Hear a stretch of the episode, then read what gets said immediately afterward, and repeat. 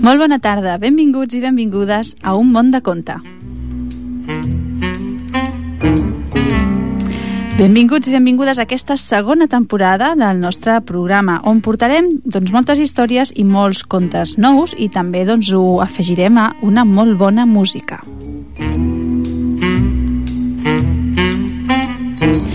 Com la temporada passada, estarem tots els dimecres de 6 a 7 de la tarda aquí, a l'emissora municipal, al 91.3 de la FM, a Ripollet Ràdio.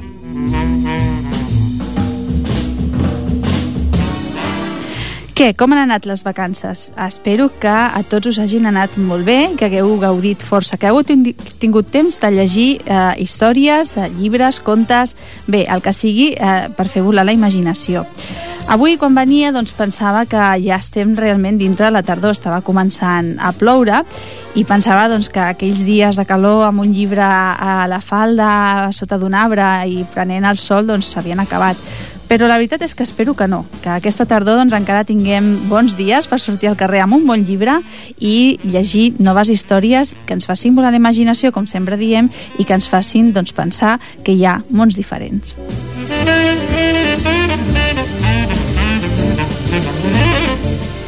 Us explico ràpidament els continguts del programa. Avui rescatarem alguns contes d'aquells tradicionals, d'aquells que eh, es feien passar eh, oralment a la tradició popular. Portarem el conte Les tres filadores, la princesa trista, la Ventafocs i la Blancaneus.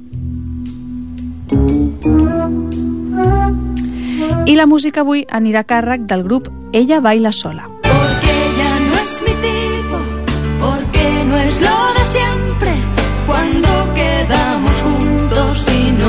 Les Ella Baila Sola van ser un duet musical femení espanyol que van estar en actiu des del 1996 fins a finals del 2001. Aquestes dues joves de Madrid doncs, van saltar a la fama ràpidament a mitjans de 1996 quan van publicar el primer senzill de la seva carrera, Lo echamos a suertes. Casa va ser una cançó que va tenir un molt èxit a Espanya i també a Amèrica i que es va mantenir com a número 1 en totes les llistes musicals.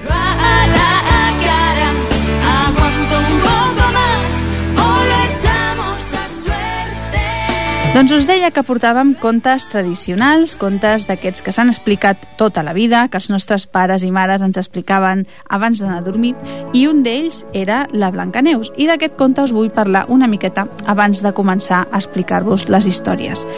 La veritat és que durant aquest 2012 doncs, hem tingut mm, diferents versions noves d'aquest conte de la Blancaneus. Un d'ells és el que en anglès es va titular Mirror Mirror o Espejito Espejito, que és una nova versió del clàssic que està protagonitzada per la Lily Collins i la Julia Roberts, que interpreta a la malvada madrastra que reina a, en el lloc de la Blancaneus. Set valerosos i rebels nans ajudaran a la Blancaneus a preparar-se perquè pugui reclamar el seu dret al tro, que li pertany per naixement, i també a aconseguir el seu príncep. Aquesta aventura està plena de comèdia, de gels, de romansos i de traïció. La pel·lícula, a més a més, compta amb Armie Hammer, que interpreta el paper del príncep Alcott, i de Nathan Lane com el torpe i desdichado sirviente de la reina. Aquesta era una de les noves versions que teníem del conte de la Blancaneus. Una altra, que portava per títol Blancanieves i la leyenda del cazador, doncs també era una adaptació d'aquest conte tan clàssic dels germans Grimm i en aquest cas es reformula el paper que té en el conte el personatge del caçador. En aquest cas s'augmenta la seva importància en tota, en tota la història, en tota la trama. Al conte original, el, el caçador l'encarregat de portar a la vella, a la Blancaneus, al bosc i allà doncs, havia de matar-la a sang freda, que era el que li demanava la, la madrastra.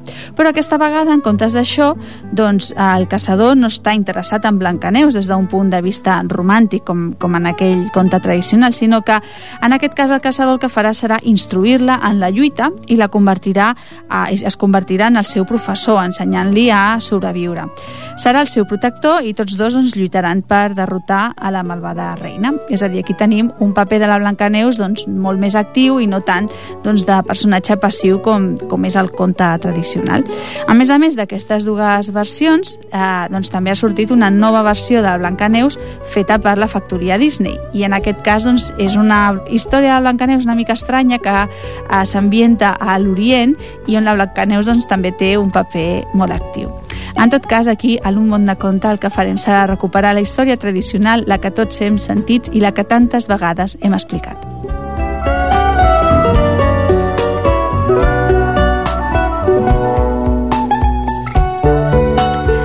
Comencem, doncs, amb la primera història que portem per avui. I és un conte tradicional, eh, popular, que porta per títol Les tres filadores.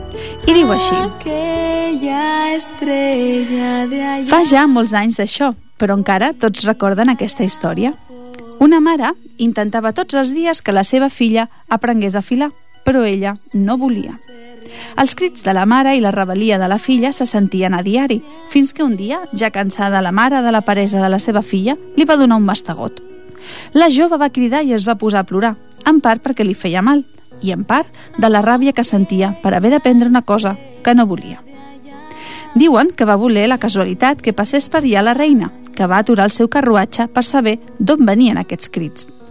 La mare se sentia avergonyida i va mentir a la reina perquè no s'assabentessin tots com n'era de gandula la seva filla, dient-li que el motiu del seu plor era que volia filar tot el dia. Però ella era tan pobra que no podia comprar-li el necessari per la seva afició la reina va sentir pena per la jove i li va dir que no es preocupés, que se l'enduria amb ella a Palau i allà podria filar tot el que volgués. La mare somreia plena d'orgull, però la filla va baixar el cap i aguantava les llàgrimes. En silenci va acompanyar la reina i tan bon punt va arribar a Palau, la reina la va portar a una de les seves habitacions. Una muntanya de lli cobria l'habitació sencera. Mira quin munt de lli, filla meva. Si files tot el que hi ha en aquesta habitació i demostres ser tan treballadora com diuen, et donaré el meu fill com a espòs, perquè no hi ha millor esposa per a un príncep que una dona treballadora. La nena va callar davant la reina, però quan aquesta va tancar la porta, va començar a plorar tan amargament que ningú la podia consolar. Tres dies va estar plorant, tots els dies la reina s'acostava a veure la feina feta i ella li contestava que no podia treballar encara, que trobava a faltar la seva mare. A l'acabar el tercer dia, va treure el cap per la finestra i va veure tres velletes molt peculiars que passaven per sota de la seva finestra. Una tenia el llavi penjat, l'altra un polse gruixut i de forma, i la tercera anava entrebancant-se perquè un dels seus peus era ample i pla. Per què plores, nena? No saps que les llàgrimes fan malbé el rostre? I els va explicar la seva desgràcia. Les velletes se la van mirar i van oferir-se a ajudar-la. Li van prometre filar tot el lli per ella, però a canvi havia de convidar-les a la seva boda. La jove es va comprometre a complir la promesa i en uns minuts ja estaven filant les tres velletes. Les troques començaven a prendre forma una rere l'altra, totes perfectament esteses i esponjoses. Quan van acabar, la donzella va cridar a la reina, que va mirar meravellada el treball de la nena. En pocs dies van organitzar la boda, i si la reina estava contenta, més ho estava el príncep, amb una jove tan treballadora. Em casaré amb tu, però abans hauràs de deixar-me convidar unes cosines meves que em van criar de petita, a les que dec aquesta qualitat que tinc. I així es va fer. Diuen que la jove anava preciosa amb el seu vestit blanc, la seva llarga cua i un vel brodat cobrint la seva cara i també van aparèixer les tres velletes, vestides amb les seves millors gales. Veniu, veniu, cosines meves, que us presentaré el meu marit. El príncep les mirava sorprès de com n'eren de lletges, les va saludar educadament i els va preguntar «Per què us penja tant el llavi?» «És de tant llepar el fil, com a la teva jove esposa, a mi també m'agrada molt filar». «I per què teniu un peu tan ample?» «De tant girar la broca, a mi també m'agrada molt filar». I, I per què teniu el polse tan aixafat? Ah, jo m'encarrego de torcer el fil. Filar és la passió de la nostra família. El jove príncep va mirar la seva esposa. Va veure com n'era de bonica i se la va imaginar amb el llavi tort, el pols aixafat i el peu pla. I llavors va dir, estimada meva, mai més tornaràs a tocar una filosa. I es diu que van ser feliços tota la vida. Renunciaré,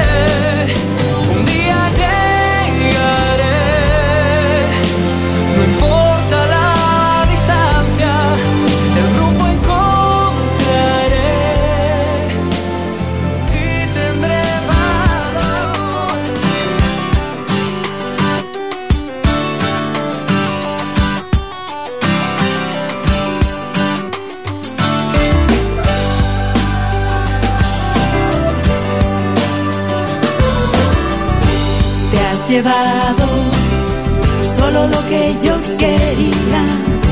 Me has dejado bailando bajo la luz del día. Solo ha sido la historia que se acaba cuando sale el sol. Y así es mejor, amores de barra y un lápiz de labios mal puesto en el baño, colirio en los ojos, pegote de la copa en la mano y vuelvo a tu lado.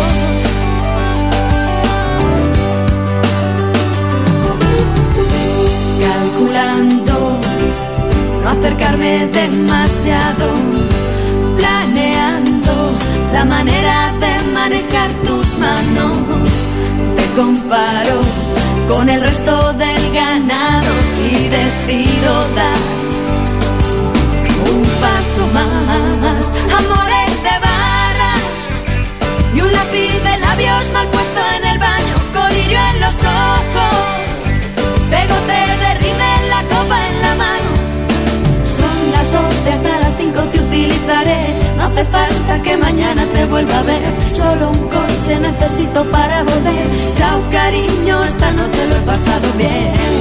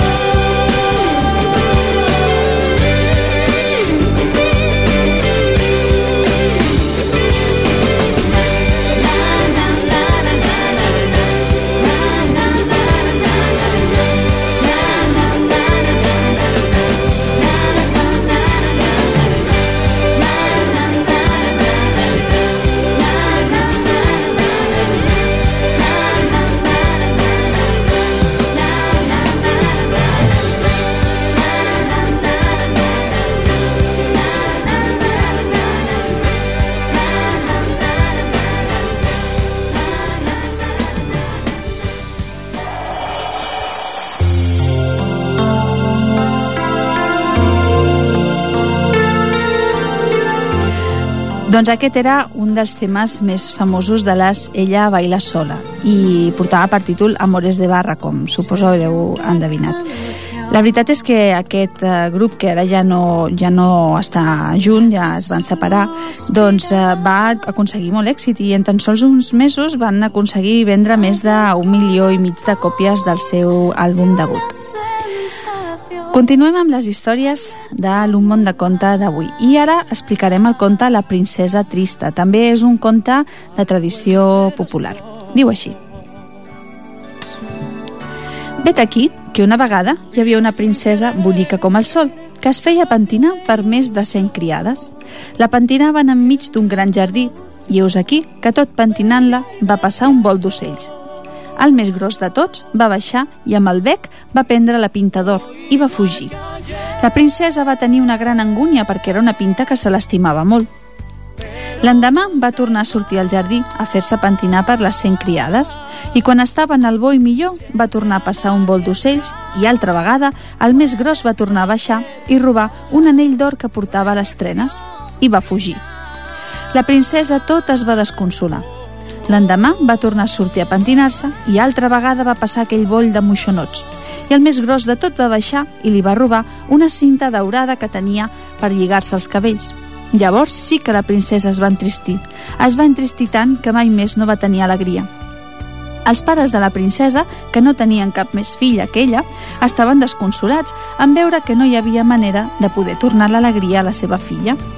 En veure que cada dia estava més trista, sense poder-la fer retornar, en van fer de coses. Com que eren els reis i tenien tant poder com volien, doncs podeu comptar si en posaren de coses en joc. Però no hi havia manera d'alegrar la princesa.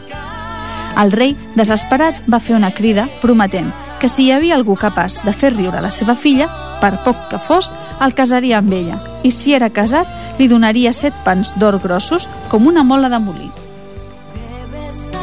Et aquí que hi havia un homenet que de tan petit que era li deien en tamboret, que feia tanta gràcia en el parlar que així que obria la boca ja feia riure a tothom, però era tan vell que no s'aguantava i va arribar a les seves orelles de la crida del rei i va dir-se com a tamboret que em dic que jo vaig a casa de la princesa, que la faig riure tant sí com no, i si no ho aconsegueixo, doncs em deixo treure la pell. Va agafar un bastó i camina que caminaràs cap a casa del rei cedit. Però com que era tan vell, es cansava i es va seure a reposar al peu d'una mata de bruc i de tan cansat que s'estava, s'adormí com un sac. Quan es va despertar, es trobà que li havien pres el bastó i no es va veure pas amb cor de seguir sense ell. Aleshores va pensar, arrencaré aquesta mata de bruc i em faré una gaiata. Però heus aquí que en arrencar aquella mata es va obrir a sota com un forat fons, fons com un pou, amb una escala llarga, llarga, que qui sap on anava a parar. I en Tamboret va pensar que redimoni devia ser aquell pou, i li van venir ganes de baixar-hi. Enfilar l'escala, escala avall, escala avall, i quan feia potser set hores que baixava, va arribar a un gran forn, on hi havia tot de pans que es coien. De tant baixar havia fet gana i va donar mossegada un pa.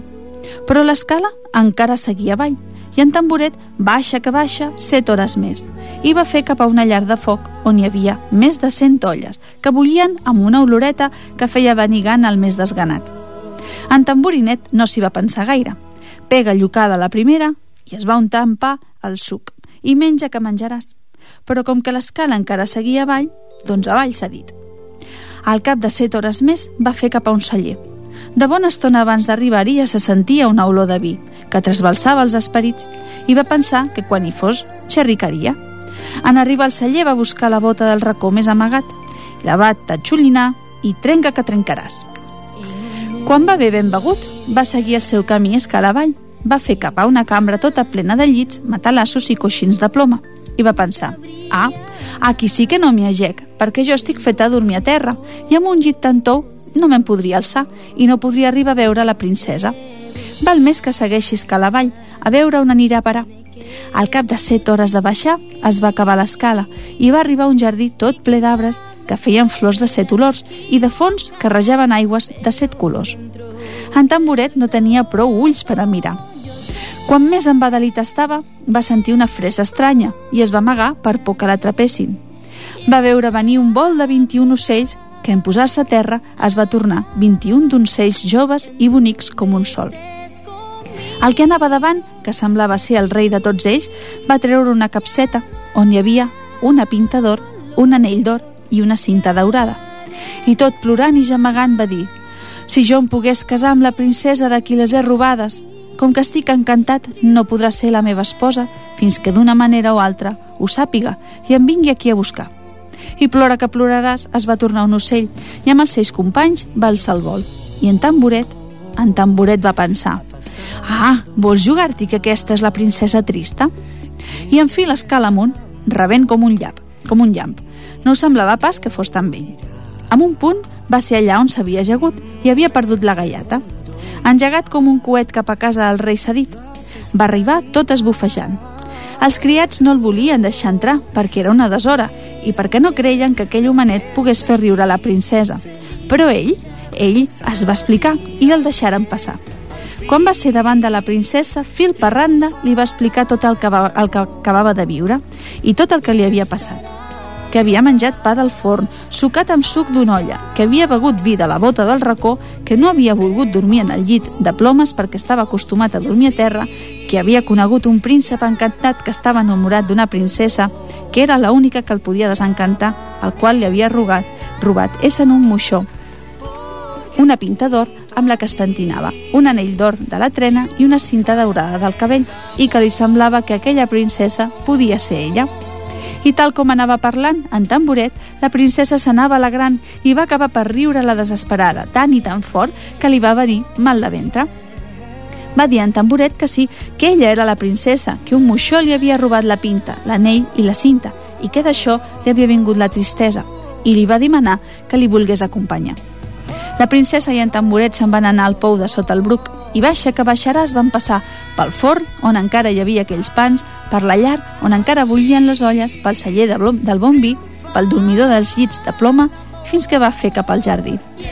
El jardí dels arbres, de les flors, de les set olors i les fronts de l'aigua, de nou colors.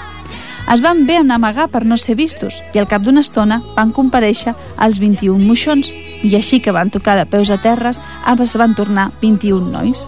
I el més gran de tots, que semblava ser l'amo, es va treure una capseta, la va obrir i en veure la pinta, l'anell i la cinta, tot era plorar i demanar a la princesa que ella estimava que l'anés a desencantar.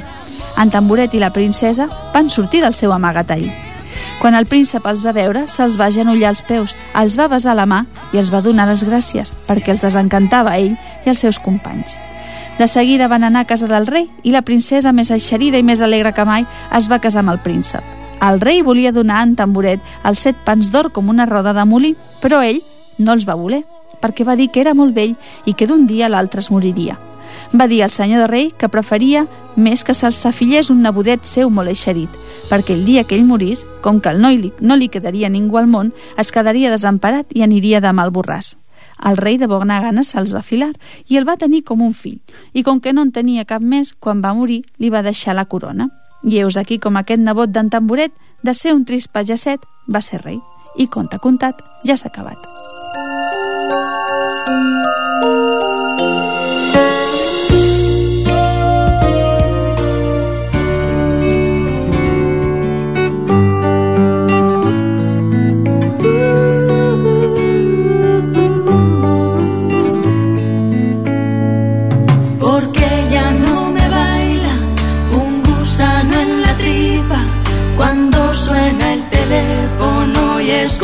Su voz, porque no me arreglé para la última cita y no usé su perfume ni me puse tacón. ¿Será que la rutina ha sido más, más fuerte? Se han ido la ilusión y las ganas de verte, pero me cuesta tanto decirlo a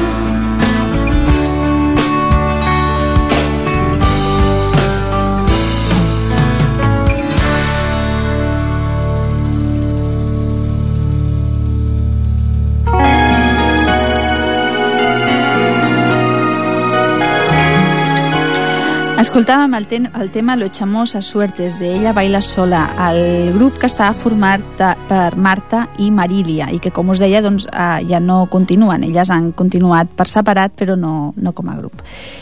Us explicaré ara un conte dels més tradicionals i potser dels més bonics que, que s'ha escoltat doncs, al llarg del temps. És el conte de la Ventafocs. Aquí a la ràdio explicarem una versió reduïda del conte, doncs perquè sabeu que, que tenim un temps limitat, però jo us convido a que agafeu el llibre i que llegiu tot el conte sencer, amb totes les seves explicacions, perquè la veritat és que és un conte preciós. Hi havia una vegada una jove molt vella que no tenia pares, sinó madrastra, una vídua impertinent amb dues filles cadascuna més lletja que l'altra. Ella era la que feia els treballs més durs de la casa i com els seus vestits estaven sempre tan tacats de cendra, tots l'anomenaven la Ventafocs. Un dia el rei d'aquell país va anunciar que anava a fer una gran festa a la que convidava a totes les joves solteres del regne. Tu, Ventafocs, no hi aniràs, va dir la madrastra. Et quedaràs a casa fregant el terra i preparant el sopar per a quan tornem. Va arribar el dia del ball i la Ventafocs, molt trista, va veure sortir a les seves germanes cap al Palau Reial. Quan es va trobar sola a la cuina no va poder reprimir els seus plors. «Per què seré tan desgraciada?», va exclamar. De sobte va aparèixer la seva fada padrina. «No et preocupis», va exclamar la fada, «tu també podràs anar al ball, però amb una condició. Quan el rellotge de Palau toqui les 12 campanades, hauràs de tornar sense falta» i tocant-la amb la seva vareta màgica va transformar el vestit ple de cendra en un meravellós vestit de festa. Un altre toc i va convertir una carbassa en la carrossa més magnífica de tot el reialme i amb un últim toc tres ratolins van quedar convertits en els dos cavalls més bonics del regne i el xòfer. L'arribada de Ventafocs al palau va, va causar admiració a l'entrar a la sala del ball, el rei va quedar tan pres de la seva bellesa que ballà amb ella tota la nit. Les seves germanastres no la van reconèixer i es preguntaven qui seria aquella jove. Enmig de tanta felicitat, la Ventafocs va sentir el rellotge de Palau tocar a les 12. «Oh, Déu meu, haig d'anar-me'n!» va exclamar. Com una exhalació va travessar el saló i va baixar l'escalinata, perdent en la fugida una sabata que el rei recollia enamorat. Per trobar la vella jove, el rei va idear un pla. Es casaria amb aquella que pogués calçar-se la sabata. Va enviar els seus herals a recórrer tot el regne. Les doncelles se la provaven en va, doncs no n'hi havia una a qui li anés bé la sabata. Al final van arribar a casa de la Ventafocs i, evidentment, les seves germanes no es van poder calçar la sabata. Però quan se la va posar la Ventafocs, van veure amb gran sorpresa que li anava perfecta i així fou com el príncep es casà amb la jove Ventafocs i visqueren molt feliços. me dice que es verdad, que es verdad,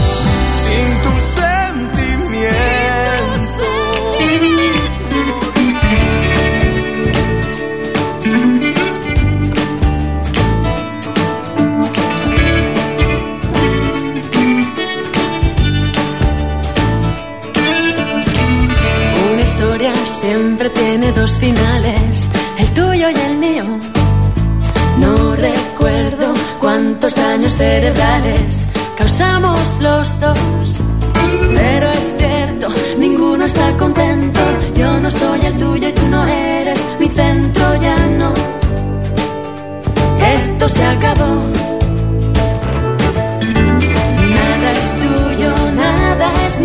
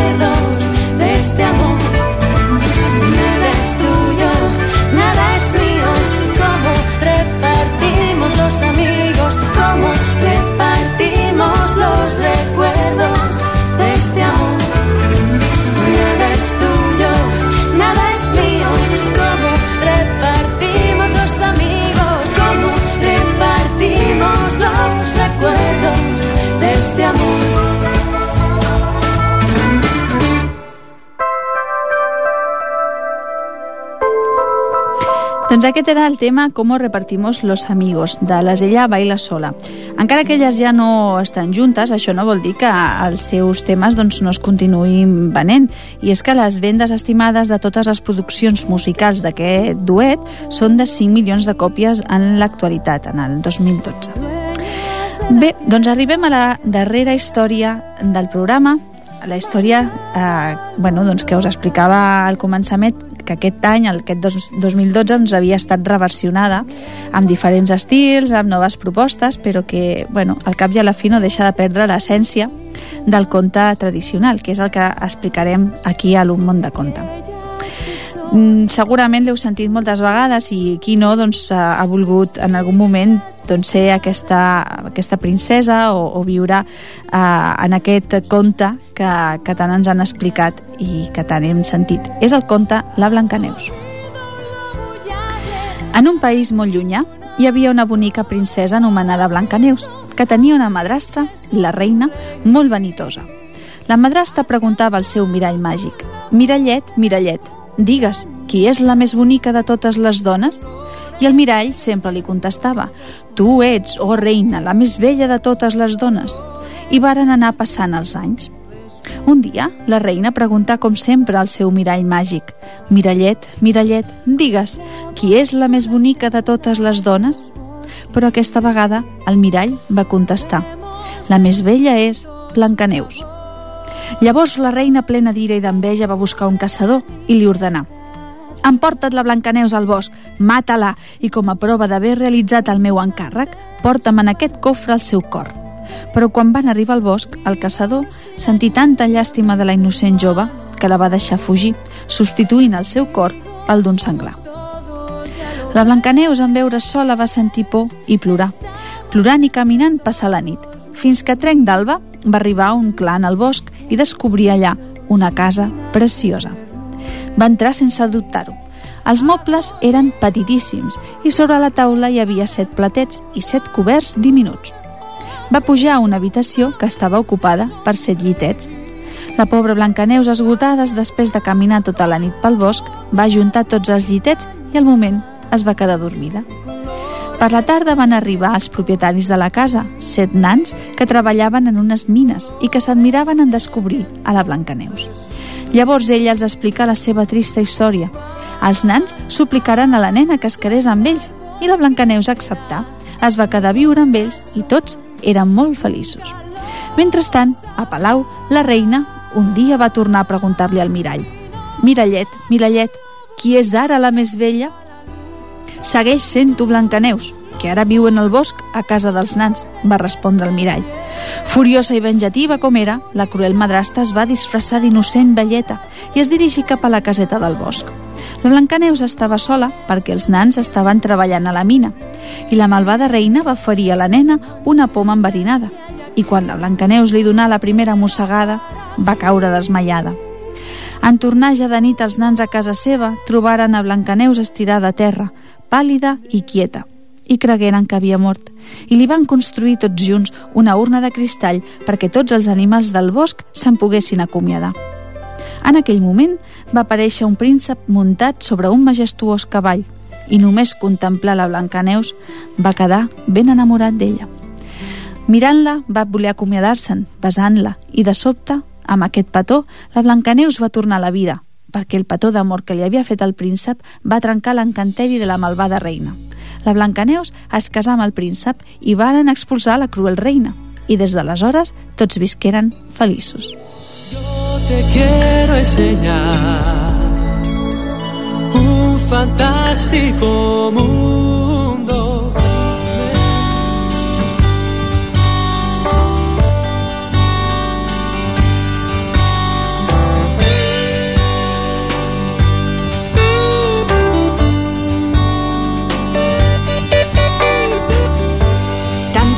como un ciprés en un campo de flores. Tan lejos como un poeta llenando renglones. Tan dulce como el recuerdo de un amor. Un desengaño, un dolor, una mentira, una traición. Sé que estoy mejor que cuando estabas tú. Mejor que antes, mejor sin ti, con más de todo y nada de ti. Tan viva como las notas de un acordeón. Sola como un actor sin escenario ni telón. Tan suave como el azul del cielo. Perdida como un perro sin dueño. Y sé que estoy mejor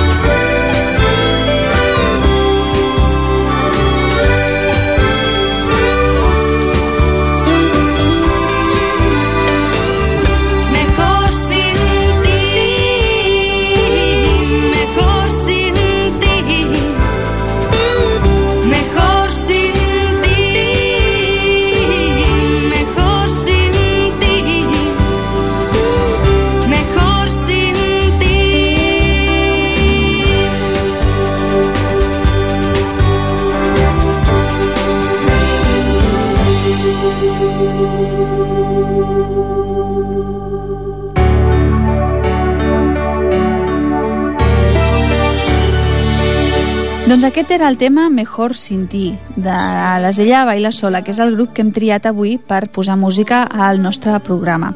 Ens agrada posar música a l'Un món de conte, perquè, de fet, les cançons no deixen de ser històries o contes explicats en música.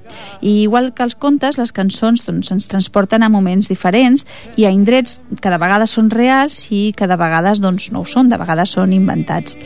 La Marta i la Marília doncs, eh, actualment es troben en el número 35 de la llista d'artistes espanyols amb més número de discos venuts, o sigui que encara estan, eh, podríem dir, d'actualitat. Les diferències personals doncs, van fer que es trenqués el grup, com us venia dient al llarg del programa. Això va ser a l'octubre del 2001 i ho van explicar mitjançant un comunicat.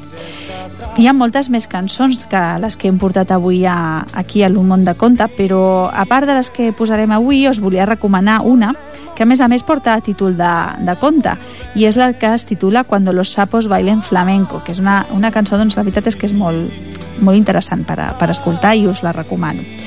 Doncs bé, hem arribat al final d'aquest primer programa de la segona temporada de l'Un món de conte. Us ho recordo, tots els dimecres, de 6 a 7 de la tarda, ens podreu trobar aquí, a Ripollet Ràdio, i us explicarem històries doncs, que de vegades seran noves, que no les haureu sentit mai, o de vegades seran, com les d'avui, històries que hem sentit de petits i de no tan petits. I bé, res més, desitjar-vos doncs, que sigueu molt feliços, que aquesta uh, setmana doncs, acabi bé, que tingueu un bon cap de setmana.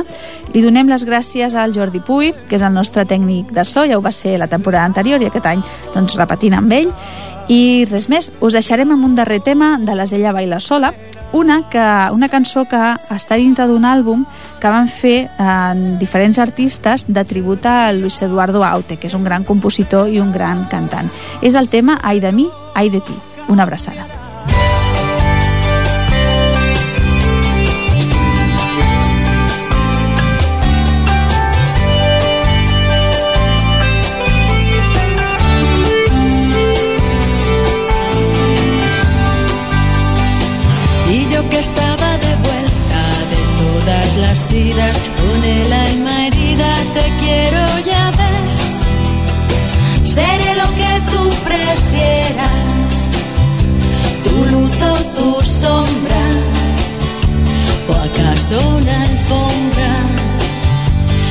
besando tus pies.